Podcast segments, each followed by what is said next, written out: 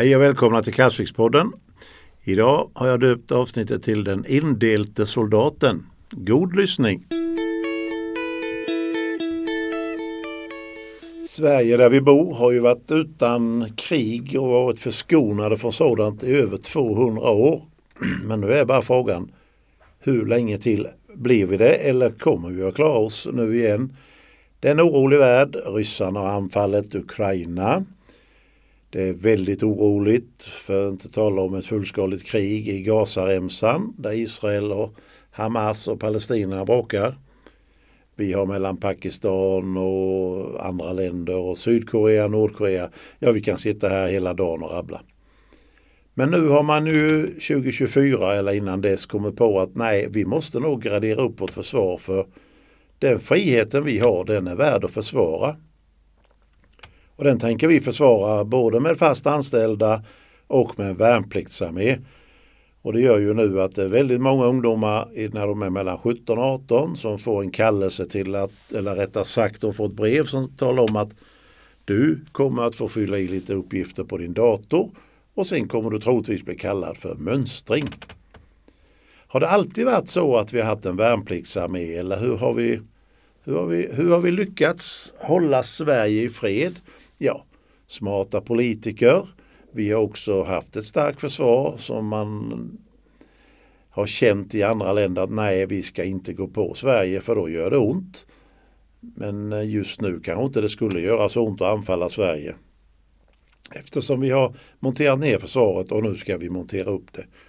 Man har börjat att få ett samtal, ett snack i hela samhället där man börjar fundera på hur går det med vår elförsörjning? Hur har vi drivmedel? Vad händer om man spärrar våra hamnar? Kommer vi få in och så vidare? Vad har vi för försörjningsgrad på mat? Ja, vi har 50 procent kommer vi att klara men resten kommer vi inte klara. Vid en långvarig konflikt till exempel får man inte in till exempel handelsgödsel eller konstgödsel som vi säger. Ja, då blir skördarna mycket mindre och ännu mindre människor kan bli mätta. Så det är en komplex situation det här. Samtidigt vill vi inte slå på på trumman för hårt för att ta död på allt annat för att bygga upp ett försvar. Men eh, vi har ju folkvalda som ska kunna bestämma detta. Men min personliga åsikt är ju att friheten vi har den är värd att försvara för det är ingen som talar om för oss hur vi ska göra och vi får i princip tycka vad vi vill i det här landet och det ska vi vara väldigt tacksamma för. Men hur gör man då? Ja, om, om vi tänker oss eh, om vi tänker så här eh, att eh, vi på landet till exempel även i stan så säger man så att nej, men vi måste ha mer soldater. Då tar vi de här fyra gårdarna. Ni ska hålla med en soldat här. Han ska ha ett eh, ställe där han ska kunna laga lite eh, mat. Han ska kunna odla mat. Han ska ha så han kan elda med ved eller värmepump eller vad det är. Och sen kommer han försvinna tre veckor då och då och övas. Men däremot så däremellan så ska han kunna driva en liten jordbruksfastighet och med hjälp av er så ska han kunna föda sin familj själv här. Nej, det skulle ju inte gå 2024. Eller vad säger ni? Troligtvis inte. Har det alltid varit, har det varit så innan? Ja, det har det varit. Redan i slutet på 1600-talet, ja då kom man ju på att det var alldeles för dyrt att ha eh, legoarméer. De kostade otroliga summor för då, det var alltså en yrkesarmé och det kom man på, nej det har vi inte råd med utan det här delade ansvaret måste vi lägga ut på alla i Sverige. Och då genomdrev man det här då som sagt var indelningsverket på slutet på 1600-talet. Och det gick ju till på det viset att man gjorde indelade rotar, ofta, ja, ofta kanske tre, fyra, fem fastigheter som skulle hålla med en soldat. Och det var ju så här att eh, det här höll på fram till 1901 då avvecklingen började. Så 1903 så var det slut på detta. Och då införde man allmän värnplikt. Det var ju eh, ett, ett, fantastiskt system på ett sätt för det var så här alltså att eh, man talade om för de här som bodde i roten. Ni ska hålla en soldat. Han ska ha ett hus att bo i. Han ska kunna försörja sin familj. Och det är ni som ska hjälpa till med det. Och inte nog med det, det är ni som ska se till att värva honom. Så man la ju över allt ansvar på landsbygdens folk på detta viset. Sen så fick ju soldaten, han fick ju åka och öva med jämna mellanrum. Och då så fick familjen, övrig familj, ta hand om jordbruket de hade, för det var ju jordbruk. Små ynkliga jordbruk egentligen som var jättesvårt att överleva på. Och även bönderna fick hjälpa till. Många av oss har sett den här filmatiseringen av eh, Rasken som gick någon gång på 70-talet, tror jag, 70 eller 80-talet. Och där kan man ju se att alla var ju inte snälla vid rotsoldaten. Men vi ska nog vara ärliga och säga att det fanns många rotar som tog mycket väl hand om sin soldat. Och ju bättre man tog hand om sin soldat, ju enklare var det när han gick i pension eller fick sluta av eh, ålders eller hälsoskäl och få tag i en ny soldat. Då hade man tre månader på sig att få tag i en ny soldat.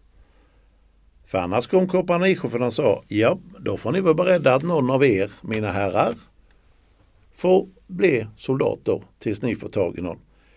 Sen skulle han naturligtvis godkännas någonstans. Och då så fick han oftast åka ihop med någon rotebonde till kompanichefen på kompani, eh, ja, där han bodde. Boställe som man kallade det den tiden. Blev han soldat där, om de godkände som soldat, då antogs han som en rekryt kallades det. Soldat blev han först efter godkännandet på nästa generalmönstringsmöte. Sen var det ju det här, ja, vad skulle han leva av? Fanns det kontrakt? Ja, vi har alltid varit duktiga i Sverige på att skriva. Vi var först i världen vad jag vet med allmän deklaration. Så vi var duktiga på detta med. Och då har vi här, vi har ett typiskt kontrakt som jag har tagit fram här och det är faktiskt uppåt från landet. Det var en Indelt soldat för detta en dräng som hette Gustav Arvid Karlsson och detta är undertecknat 23 november 1895. På den, på den tiden så fick de 25 kronor vid rekryteringen. Och då fick han 125 kronor som soldatlega. Det var alltså ett belopp, ett fast belopp som han fick en gång. Men av detta belopp erhöll han 50 kronor den 1 maj 1897 och 25 kronor den 1 maj 1898. Resterande belopp, 50 kronor, utgick då han blev antagen vid nästa generalmönstringsmöte så det fanns väldigt uppstatuerat precis detta gäller, detta gäller. Den här legan den var en nedgångssumma som soldaten erhöll då vid rekryteringen. Han fick också en årlig lön. Eh, han fick eh, hemkallet exakt specificerat i kontraktet hur det skulle vara hemma. Han fick bete, kvarnskjuts och så vidare. Hemkall var naturaprodukter av olika slag som soldaten fick årligen. Och den här soldaten då, då ska ni få höra vad han fick varje år. Han fick 585 kilo spannmål, det är omgjort till moderna mått. Och det var fördelat på 350 kilo råg och 235 kilo korn. Till utfodring av sina krätor erhöll han 850 kilo hö och 850 kilo råghalm. I vedbrand fick han 7,5 kubikmeter ved. Han hade även rätt till bete för en ko på rotens mark Vidare hade han rätt till två kvarnskjutsar per år. Eh, så står det av punkt 9 framgår att roten hade skyldighet att tillhandahålla dragare med redskap, alltså ofta en oxe eller en häst, för torpets skötsel och när soldaten var utkommenderad skulle roten stå för torpets skötsel. Och så är kontraktet undertecknat av roten och Gustav Arvid samt det bevittnat och det finns på Södermanlands regemente. Vi hade ju många torp med och vi hade ju kontrakt i dessa trakter med naturligtvis. Jag har hittat ett legokontrakt som jag har tagit ifrån hembygdsboken. Det handlar om eh, soldattorp nummer 44. Alla hade ett nummer. Dönjanet låg det. Nils Peter Månsson, tror jag han heter här. Det är påskrivet den 18 augusti 1850. Då var det ju andra pengar som ni förstår. Då var det riksdaler. Han, eh, Rotens skyldigheter 1. Städja vid antagningen 3 riksdaler. Sen var det legomål, där fick han 3 riksdaler. Och sen eh, var det lönevillkor. Varje år skulle han ha 3 riksdaler. Riksmynt. Han skulle ha, eh, vi ska se vad det står. Det skulle betalas ut i oktober månad ska jag säga. Han fick spannmål, råg 4 kubikfot och 5 kannor. Han fick 4 kubikfot och 5 kannor korn. Vidare så hade han eh, ull, 3 skålpund. Han hade 3 skålpund lin. Han skulle ha bete för två kor och fyra får. Och då kan jag säga det här betet, förlåt mig, det var ofta att de fick gå ut med vägarna på böndernas marker och vakta kon som fick gå och beta, kanske inte in i hagen utan beta rent ut med vägarna. Han skulle ha kvarnskjuts två gånger årligen och han skulle ha sex famnar ved. Och han skulle ha eh, gärdsel, alltså stängsel. Sen står det faktiskt eh, på samt dessutom till julhelgen såväl. Han skulle få en kubikfot malt. Han skulle ha en kaka med såfel och i min värld så är det pålägg och ett ljus. Och det kan man ju fundera på, men det var ju dyra saker på den tiden naturligtvis. Så så såg det ut på, i Dönjanet 1850. Sen hade vi ju något häftigt i Tjugeboda. Och det var Smålands husarer som tillhörde eh, husarregementet i Eksjö och gick under Ingelstads skvadron. Väldigt intressant. Och en skvadron det var alltså en taktisk enhet och det var ungefär 125 man i en skvadron. Och på ett eh, det var åtta kompanier på en bataljon då på den tiden. Vi hade ju en mängd soldattorp i Kalsvik som alla låg under Kronobergs regemente förutom ett och det var husartorpet som låg i Tjugoboda. Och det hade nummer 49 och det tillhörde Smålands husarer och Ingelstacks skvadron. Och det innebär att uh, han hade en ridhäst och det var ju ganska ovanligt. Men vi ska inte prata om det nu. Var låg då soldattorpen i Karlsvik? Ja, jag kan bara läsa till här från Riksarkivet. Det var Baljaryd, Boavred, Bräkenskalla, Dönjanet, Frännafälle, Hagsta, Hårestorp, Kalvsaga, där låg tre stycken. Vi hade Kalvsviks by, där låg ett vid Pene, förlåt, eller två vid Pene och en uppe vid affären där vi har nu Tillebro och en vid Persborg. Vi hade Kolaryd, Kullen, Norra Kråketorp, Rävsjö, Skärvudde och Sunnerön och sen då som jag sa innan Tjugoboda. Så det var en hel del soldattorp vi hade där. Eh, vad var det för människor som, eh, som var soldater? Ja, det var vanliga svenska män och det fanns ju vissa krav för att bli antagen som soldat. Man var tvungen till att ha en viss storlek. Det var eh, till exempel 1700-talet skulle man vara då mellan 18 och 36 år.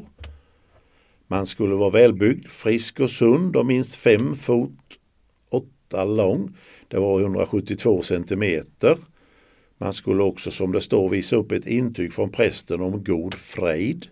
Och sen skulle man genomgå en läkarundersökning som man gjorde då på mönstringsstället ihop med eh, ofta kompanichefen. Sen ändrade de kraven för det var så här att det var under ryska kriget 1788 till 1790 så sänktes kravet från eh, 1,72 till 1,67. Och eh, man sänkte maximiålder på nya rekryter till, eh, till 30 år och 1871 var den nere i 25 år och man ändrade och så vidare. Men 1700-talet var det mellan 18 och 36 år.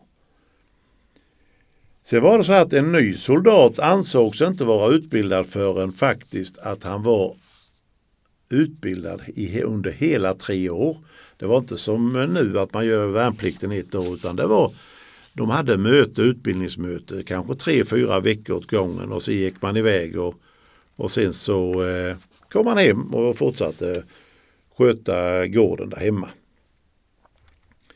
Det om man läser mer om det här så är det ju att till exempel då från 1743 så var rotehållaren skyldig att föra bok över soldatens fordringar och skyldigheter på roten. Och det var ju att eh, avlöningen betalas ut av rotemästaren runt midsommar.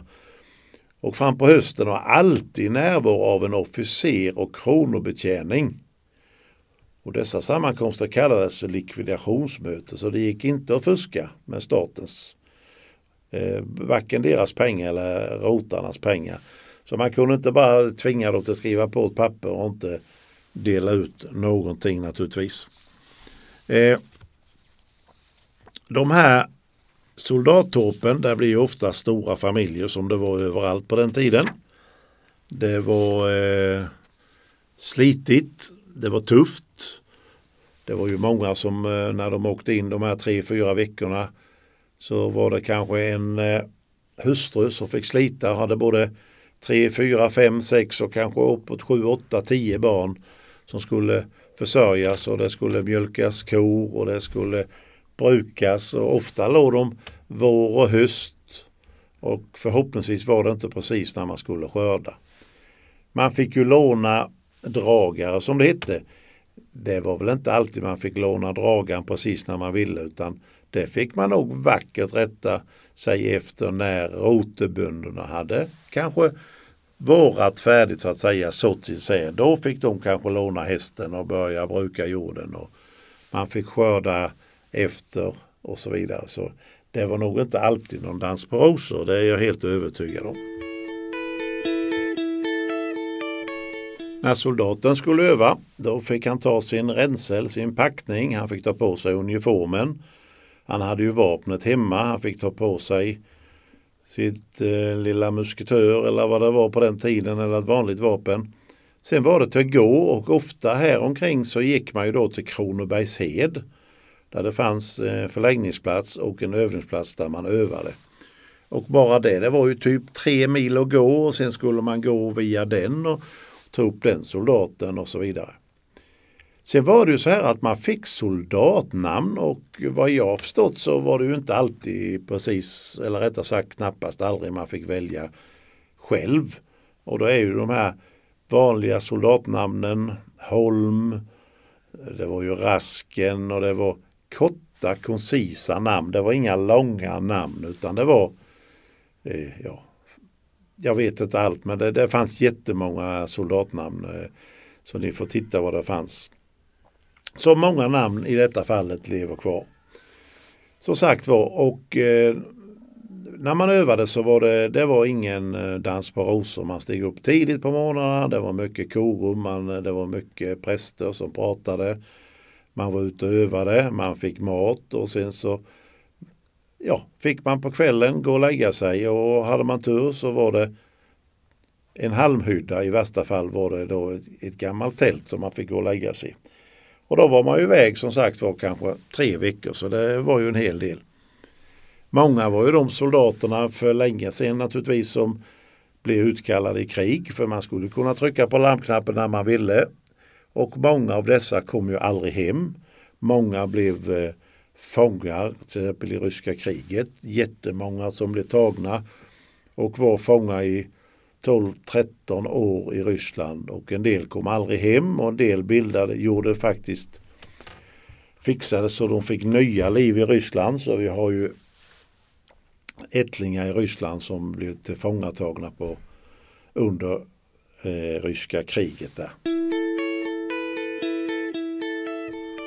Ja, då kan man undra, är det någon från Karlsvik som har deltagit i slaget vid Poltava? Ja, det har vi. Vi kommer till det.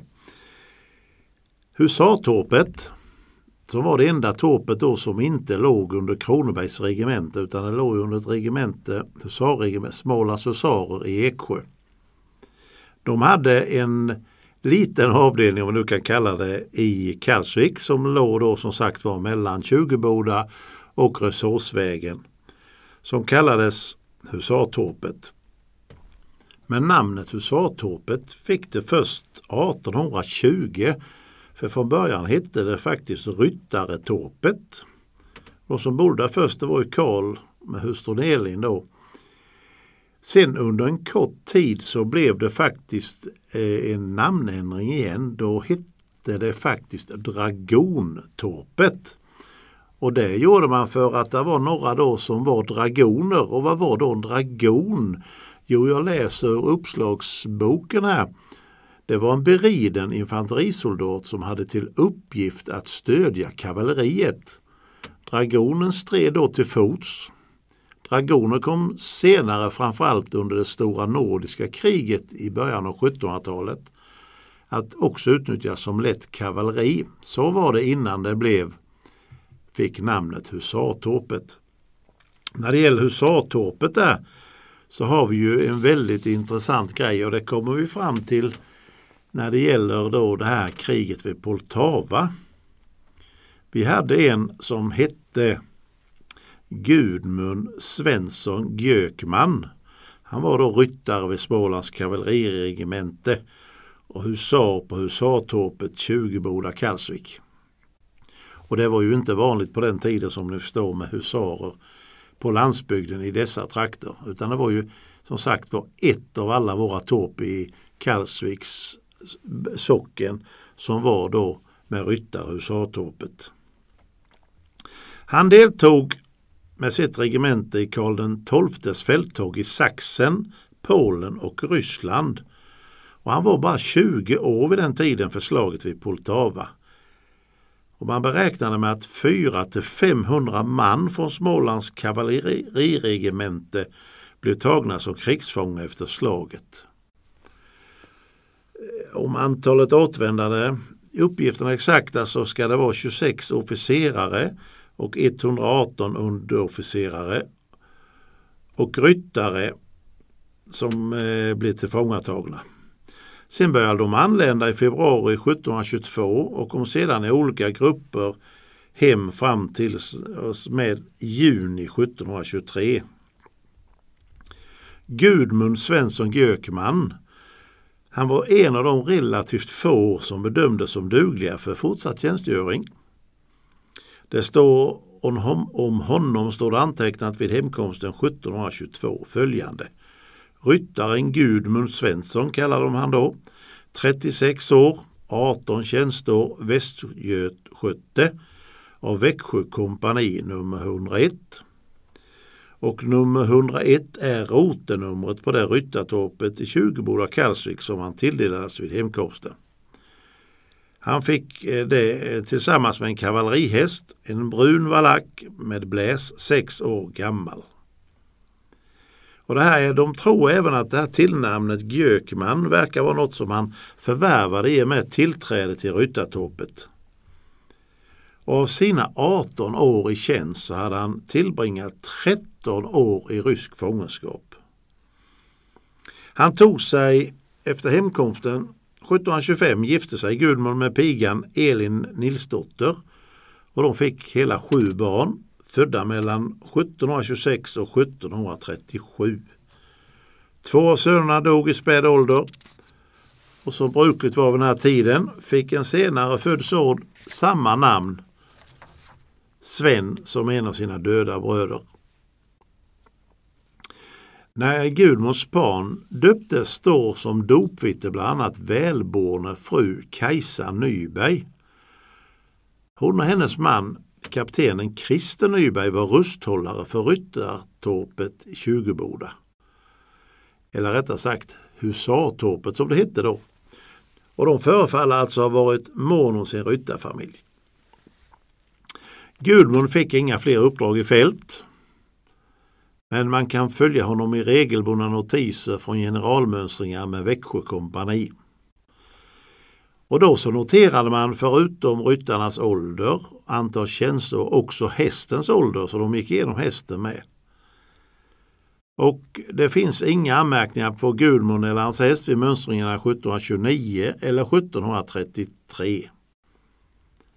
Men vid generalmönstringen i september 1740 vid Os gästgivaregård står det antecknat att hans häst hade dött den 12 maj 1734 och han därefter hade tilldelat en ny häst. Och då hade han fått en, eh, en svart valack med liten bläs och vita bakben som var 12 år och var till tjänst i sex och ett tredjedels år.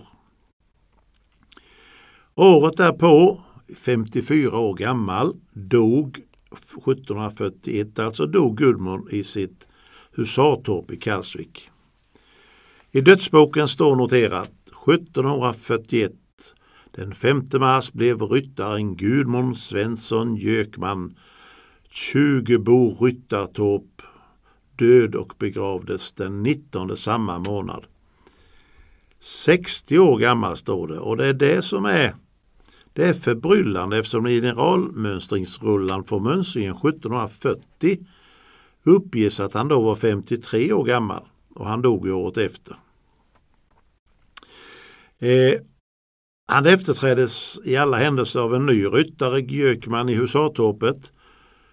Och det förefaller att namnet, efternamnet, inte följer Gudmunds familj. För barnen heter Gudmundsson och Gudmundsdotter utan just anställningen som ryttaren i Husartorpet nummer 101 i Tjugoboda Kalsvik. Detta om Husartorpet. Vi ska prata lite snabbt bara om vad var det ett soldattorp? Var det bara något man snodde ihop som man ville eller var det någon som bestämde hur det skulle se ut eller byggde alla bönder liksom, nej men så här vill vi att soldattorpet. Nej, det gick inte i Sverige även på den tiden. Vi hade myndighet som bestämde oss. Som bestämde över oss, förlåt. Det är som vi nu. Nu är det massa folk som bestämmer hur vi ska ha avloppen, hur vi ska göra det och hur vi ska göra det. Och det var även så på den tiden. Det var redan 1680 utförde generalkvartermästaren Erik Dahlberg skisser på hur soldattorpen skulle se ut. Och det var eh, det var, vad ska jag säga, man kom in i en liten förstuga.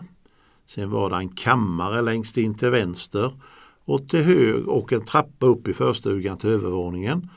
Och sen var det en stuga till höger där det var kök och där man sov naturligtvis också, eller eh, ja, där barnen fick sova antagligen. Eh, vad byggdes torpen då? Jo, det byggdes oftast på ägorna av den största gården. Den så kallade stamroten eller huvudroten. Och vanligtvis så lades det intill en by eller landsväg. Det skulle vara enkelt och snabbt att ta sig till exercisplatsen, vilket man kan tycka är lite, lite skrattretande idag kanske med tanke på att alla gick på den tiden. Det fanns inga cyklar eller någonting så eh, ja, det var ju att gå så om man gick genom skogen eller på väg spelade kanske inte så stor roll. Eh, måtten på torpen var meningen från början. De skulle vara 8 alnar lång, cirka 4,75 meter. 7 alnar bred, alltså 4,1. Så 4,75 gånger 4,1 meter. Med förstuga och kammare. Utöver torpet skulle då finnas ett fähus, alltså en liten ladugård som sex alnar långt och fem alnar brett. Och det var alltså 3,5 gånger 2,9. Då kan ni fundera själva för en 3,5 gånger 3,5 det är en box för en häst idag. Och här skulle man ha en ko, några får och kanske en kalv och så vidare. Sen skulle det vara en bod om sex alnar i fyrkant samt en lada med loge. Sen kom det ju lite andra regler och bestämmelser ju längre tiden gick naturligtvis. Det kom nya regler hela tiden. Men det var ju ändå viktigt att det fanns lite bestämmelser för alla var ju naturligtvis inte så hemskt snälla när de byggde annars. Men nu var man tvungen till att hålla och där kom det ut folk från regementet och kontrollerade så det var inget man kunde fuska med. Så tänk på det när ni ser ett litet soldathåp att ja, det är inte stort och det, ni kan tänka er själva vad man hade för interiörer i ett soldathåp. Eh, det skulle vara även möblerat lite. En utdragssoffa kanske, ett klaffbord. Det var vad man hade som standardmöbler. Så det, det, det var inte mycket man hade. Det skulle finnas en spis. Man hade fotogenlampa. Och de här spisarna, det var ju ingen kokespis som vi hade på 18-1900-talet utan det var ju en öppen spis.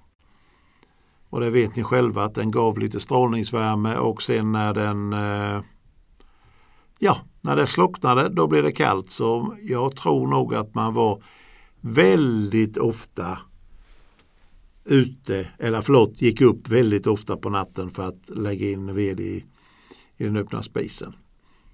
Sen skulle det finnas en så kallad rotetavla på samtliga soldattorp Vilket kompani de tillhörde och ett nummer på roten.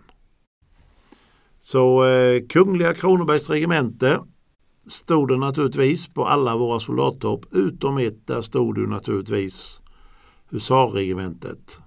Och det var ju husartorpet mellan Tjugoboda och Resursvägen. Och så lite reflektioner bara. Ja, soldattorpen har fött upp många av eh, våra förfäder i Sverige det var många soldater som var väldigt stolta över att vara soldater.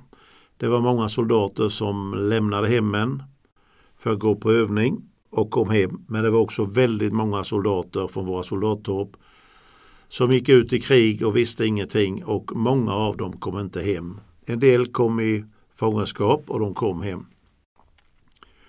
Man bodde trångt, man hade det fattigt men ofta hade man bröd för dagen. Och eh, ja, man hade inga stora krav på den tiden som ni vet men eh, det var oftast ett väldigt stolt folk som var soldater. De var stolta när de tog på sig sin uniform och skulle gå hemifrån. Självklart var det väl ingen som var lycklig att lämna familjen. Men det var, de visste det var deras yrke så det var bara det. Att gå på sina övningar. Och på den tiden så hade man också en eh, hyfsat billig och bra försvarsmakt eller krigsmakt som det hette på den tiden. Eh, nu är det ju helt andra eh, tankar om försvar. Nu går vi med i, i den skrivande stunden i princip. Jag pratar in detta så väntar vi bara på att Ungern ska godkänna att vi kommer med i NATO och sen är vi med i NATO. Och då har vi ett större skyddsnät kan man tycka. Alla får tycka vad de vill.